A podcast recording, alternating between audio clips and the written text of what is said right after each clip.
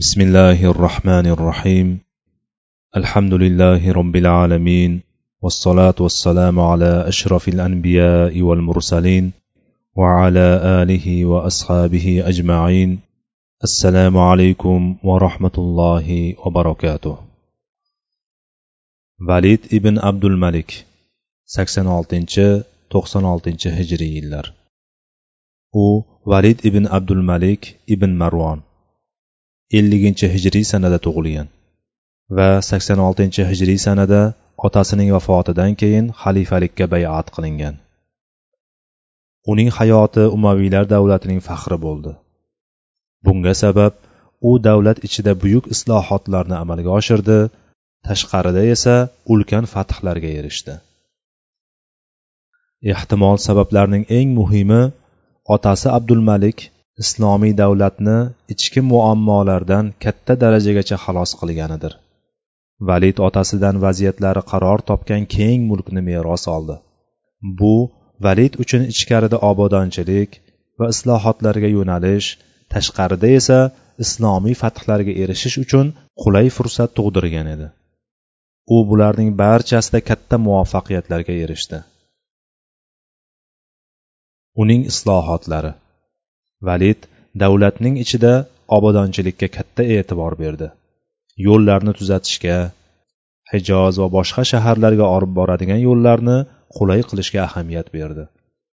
Uning ulug' ishlaridan ikki masjid madinadagi masjidi nabaviya va damashqdagi umaviy masjidi binosini qayta tiklash bo'ldi. Masjidi nabaviyani buzib kengaytirdi. Uning maydoni ikki yuz ziroga ikki yuz ziro bo'ldi. Rasululloh sollallohu alayhi vasallamning ayollari uchun bo'lgan hujralarning hammasini madinadagi katta olimlarning qarshiligiga qaramay masjidga kirgizdi. Ular payg'ambar sollallohu alayhi vasallamning qabrini masjid qilib olinishdan qo'rqishgani hamda hujralar odamlarga ibrat nasihat bo'lib qolishiga rag'bat qilishgani uchun e'tiroz bildirishgan edi. Damashqdagi umaviy masjidini ham shunday qildi. U ikkala masjidning binosi o'ta hashamatli bo'ldi. Valid kasallarga ko'zi ojizlarga va muhtojlarga ahamiyat berdi. Ular uchun lozim bo'lgan nafaqalar va munosib hadyalar tayin qildi. Har bir yotib qolgan kasalni bir xodim bilan ko'zi ojizni yetaklovchi bilan ta'minladi. Shuningdek damashqning tashqarisida mahovlar uchun shifoxona qurdi. Bu shifoxona hozirgacha mavjud bo'lib uning nomi bilan ataladi. Bundan boshqa ezgu ishlarni amalga oshirdiki u bilan islomiy jamiyat baxtiyor hayot kechirdi va uning hamma tomonlarida odillik farovonlik va barqarorlik gullab yashnadi. Uning davridagi fathlar.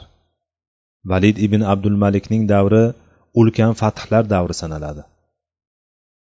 Odamlar olloh yo'lida jihod qilishga otlanishdi. Ular jihodni o'zlarining hayotidagi maqsadlari va g'oyalari qilib olishgan edi. Uning davrida bu fathlarga buyuk xizmatlari singan to'rt qo'mondon mashhur bo'ldi. Ular qutayba ibn muslim al bohiliy muhammad ibn qosim as saqafiy muso ibn nusayr va maslama ibn abdul malik. Qutayba ibn muslim va mavroun nahr shaharlarining fath qilinishi. Qutaybani hajjoj ibn yusuf saqafiy sakson oltinchi hijriy sanada xurosonga voliy qilgandi. Bu paytda hajjoj iroq fors va xurosonga voliy edi. Urush va jang maydonlarida qobiliyati va tajribalari ortib borardiki hatto u bilan zarbul masal qilinadigan bo'ldi. Uning nomi dushmanlarning qalbida qo'rqinch uyg'otib quvvatlarini susaytirar va taslim bo'lishga undar edi. sakson oltinchi hijriy yilda balx shahriga g'azot qilib yo'lga chiqdi. Unga shahar kattalari va boshliqlari peshvoz chiqib itoat qilgan va qo'llab quvvatlagan hollarida u bilan birga yurishdi. Daryodan o'tgan paytlarida unga sog'oniylar podshohi bo'ysungan va itoat qilgan holida yo'liqdi. Unga ko'p hadyalar berib shaharni topshirdi. Mana shundan keyin so'g'dga hujum qildi. sakson yettinchi hijriyda bekantni fath qildi. So'ng fathlari bir biriga ulanib ketib g'alabadan g'alabaga ko'chib yurar edi. Buxoro va samarqandni ham fath qildi. to'qson uchinchi hijriyga kelib farg'ona vodiysining poytaxti koson shahrini fath qildi. Qutayba bu ajoyib jihodi bilan xalifa valid ibn abdul malikni diqqatini tortdi. Amirul mo'minin unga shunday maktub yo'lladi. Amirul mo'minin islom dushmanlari bilan qilayotgan jihoddagi sening harakating va mehnatingni bildi. Albatta amirul mo'minin sening darajangni ko'taradi. Maqomingga loyiq ishni qiladi. Yurishlaringni tamomiga yetkaz robbingning savobini umid qil. Amirul mo'minindan maktublaringni uzoqlatma. Men sening shaharlaringni va sen unda bo'lgan chegaralarni ko'rib turay. Amirul mo'mininning qutaybaga bo'lgan maktubi uni jihodni davom ettirishga undovchi bo'ldi. U xitoy hududiga yetib bordi va qashqar shahrini fath qilib ularning podshosini yillik jizya to'lashga majbur qildi. So'ng xurosonga qaytdi. Muhammad ibn qosim va sind shaharlarining fath qilinishi. Muhammad ibn qosim sind diyorini fath qilgan botir yigitdir. Bu diyor sind daryosining irmog'ida joylashgan bo'lib shimolda panjob shaharlarigacha cho'zilardi. U hozirgi pokiston davlatining katta qismini tashkil qiladi. Bu diyor valid ibn abdulmalik zamonida islomiy davlatga xavf tug'dirayotgan katta xatarlar manbai edi. Gohida undan ba'zi qaroqchilar chiqib musulmon savdogarlarga hujum qilar edi. Bu hajjoj as saqafiyni tajovuzni qaytarish tijorat yo'li va islomiy o'lkalar hududi xavfsizlikni ta'minlash uchun bu diyorlarni fath qilishni xalifadan qattiq talab qilishga undadi. Amirul mo'minin hajjojning talabini qondirib bu shaharlarni fath qilishga izn berdi. Hajjoj katta qo'shin hozirlab unga kuyovi va jiyani bo'lmish hali o'n sakkiz yoshdan o'tmagan pahlavon muhammad ibn qosim as saqafiyni amir etib tayinladi. sakson to'qqizinchi hijriy sanada bu katta qo'shinning sind shahriga yurishi boshlandi. Uning pahlavon amiri daybul shahriga yurib uni qamal qilib turdi. Hujum bilan uni ishg'ol qilishga erishdi. Uning ahlini qilgan buzg'unchiliklari tufayli uch kun qirg'in qildi. Shubhasiz bunda kofirlarni qo'rqitish bor. Shahar ichida musulmonlar uchun uy joy qurishni rejalashtirdi. Ularga masjid qurib berdi. U yerga to'rt mingga yaqin soqchi askarlarni joylashtirdi. So'ng beyrunga qarab yurib uni ham egalladi. Shahar ahli musulmonlarni yaxshi kutib oldi. Ular fathlarni davom ettirib borardilar. Sind daryosi irmog'ida ularning podshohi dohar bilan to'qnashdi. Ikki qo'shin o'rtasida qattiq jang bo'lib o'tdi. Bu jang doharning o'limi va qo'shinining tormor etilishi bilan tugadi. So'ng muhammad ibn qosim alloh yo'lida g'azot qilib ketaverdi. Hatto panjob shahri janubidagi milton degan joyga borib yetdi. Uning ahli bilan jang qilib g'alaba qozondi. Ulardan ko'pini o'ldirib katta o'ljani qo'lga kiritdi. Shunday qilib u ulkan g'alabalarni birma bir qo'lga kiritib bordi. Hech qancha vaqt o'tmay sind shaharlarining barchasi unga bo'ysundi muso ibn nusayr va andalusning fath qilinishi. Mustafo sollallohu alayhi vasallamning hijratidan avvalgi asrning boshlarida ispaniya shahriga gotlar hujum qilib undan vandallarni quvib chiqargan edi. Yahudiylar bu shaharlarga turli zamonlarda kirib qolgan edi. Ular bilan nasroniylar o'rtasida nizo va husumatlar kuchayib xatarli darajaga yetdi. Bu shahardagi qut amirlari hokimiyat va mansab ustida bahslashib toju taxtni talashishar edi. Ular orasida tortishuv qattiq bo'ldi. Zodagonlar va din kishilari bu shaharni katta katta bo'laklarga bo'lib olishdi. Ular hashamatli qasrlarda yashardilar. Dehqonchilik va sanoatni nochor hayot kechirayotgan qullarning qo'liga tashlab maishatga berilishdi. Dehqonlarning va o'rta hol kishilarning yelkasiga og'ir soliqlarni yuklardilar. Buning oqibatida xalqning turmush tarzi ayanchli holatga tushib qoldi. Ayni paytda shimoliy afrika musulmonlarning adolatli hukmi ostida farovonlik va xotirjamlikka burkangan holda hayot kechirar edi. Ispan xalqi va ular bilan birga yashayotgan yahudiylar qattiqqo'l gotlarning zo'ravonligidan qutulishni orzu qilib xaloskorlarni sabrsizlik bilan kutishganiga ajablanmasa ham bo'ladi. Vaziyat bu shaharlarga ozod qilish to'g'risida o'ylanishga undardi. Zero ularga muqobil qirg'oqda yashayotgan musulmonlar ular orasida dinni yoyib zulmni ko'tarish uchun qulay fursat tug'ilganini anglab yetardilar.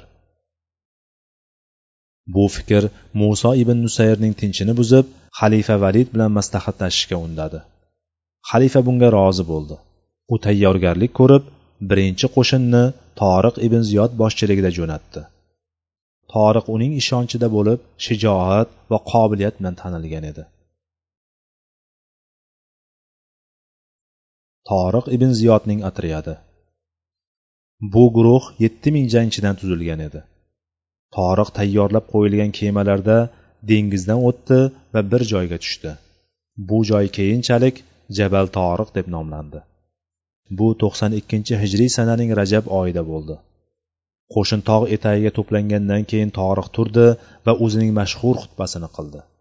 Jumladan shunday dedi. Ey odamlar qayerga qochasizlar? Orqalaringda dengiz oldilaringda dushman. Allohga qasamki sizlar uchun faqat alloh bilan rostgo'ylik va ezgulik bor. Bilinglarki sizlar bu orolda pastkash odamlarning dasturxonida o'tirgan yetimlardan ham xarobroqsizlar sizlarga dushmaninglar o'zlarining qo'shini qurol yaroqlari va oziq ovqatlari bilan to'la ta'minlangan holda yo'liqdi. Sizlarning qilichlaringdan boshqa yukinglar dushman qo'lidan tortib oladigan narsalaringdan boshqa oziq ovqatlaring yo'q. Bu xutba askarlarning nafsiga kuchli ta'sir qilib qalblarida iymon va hissiyotni alangalatib yubordi. Ular tutash binolar kabi saf tortgan holda dushman bilan jang qildilar. Podshoh lazriq toriqning shahriga dengiz orqali o'tganidan xabar topgan paytda adadi yuz ming jangchiga yetadigan katta qo'shin bilan unga shoshildi. Toriqning qo'shini esa o'n ikki ming askardan iborat edi. Shazuna shahri bo'sag'asida ikki qo'shin to'qnashdi. Ular orasida katta farqqa qaramay musulmonlarning qalbini to'ldirib turgan kuchli ruhiyat g'alabaning muhim omili bo'lgan bo'lsa aksincha dushman nafsidagi ma'naviy ruhning zaifligi xalqning go'tlardan bo'lgan hokimlarning qilgan zulmlari hamda boshqaruvdagi buzuqliklari sababli yomon ko'rishlari ularning mag'lubiyatiga qo'shimcha bo'ldi. Shu bois dushman qo'shinidan ko'pchiligi o'ldirildi. Qolganlari orqasiga chekindi. Lazriq daryoga g'arq bo'ldi.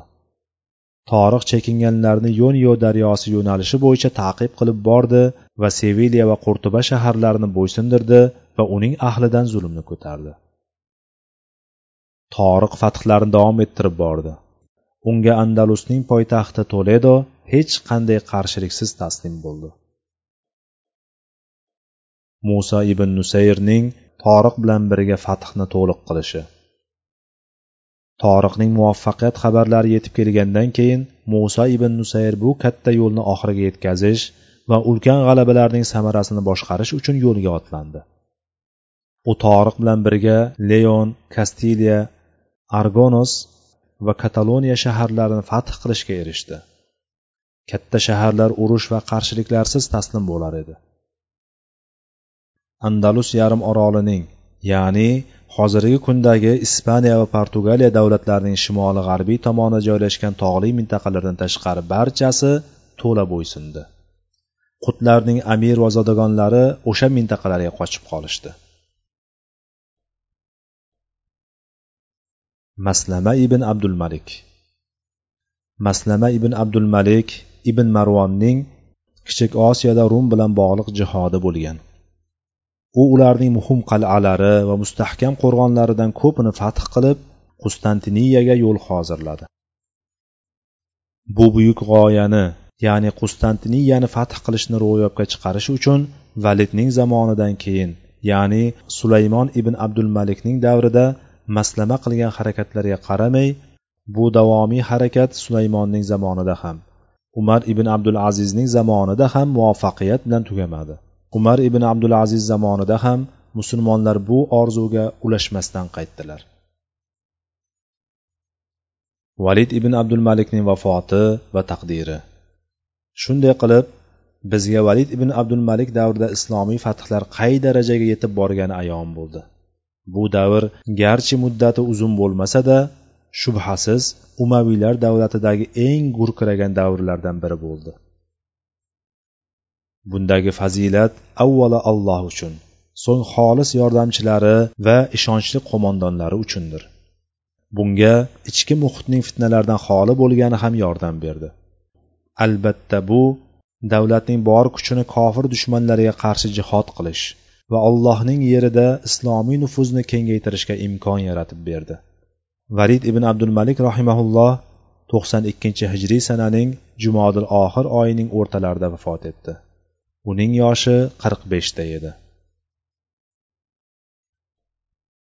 Sulaymon ibn abdul malik davri. to'qson oltinchi to'qson to'qqizinchi hijriy yillar. Valid ibn abdul malikning vafotidan keyin uning ukasi sulaymon xalifalikka o'tirdi. Uning xalifaligi qisqa bo'lishiga qaramay barakotli bo'ldi. U qustantiniya va boshqa yerlarga jihod qildi. Adolatni yoyib zulman tortib olingan huquqlarni egalariga qaytardi. U umar ibn abdulaziz bilan ko'p ishlarda maslahat qilar edi. Muhammad ibn sirin u haqida shunday deydi. Sulaymon rohimaulloh xalifaligini yaxshilik bilan boshladi va yaxshilik bilan tugalladi. Namozga vaqtida ijobat qilish bilan boshlab xalifalikni umar ibn abdul azizga qoldirish bilan tugalladi.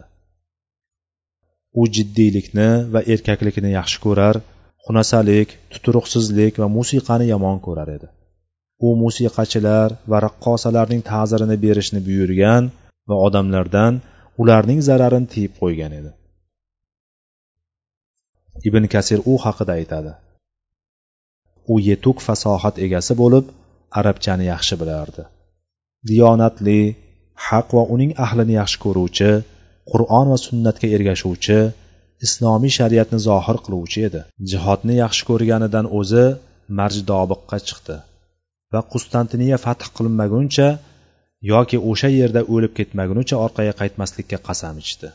Unga bu niyati sababli allohning yo'lida posbonlik ajri hosil bo'lib uning ajri inshaalloh unga qiyomatgacha borib turadi deyishgan. Uning vafoti to'qson to'qqizinchi hijriy yilning safar oyida bo'lgan.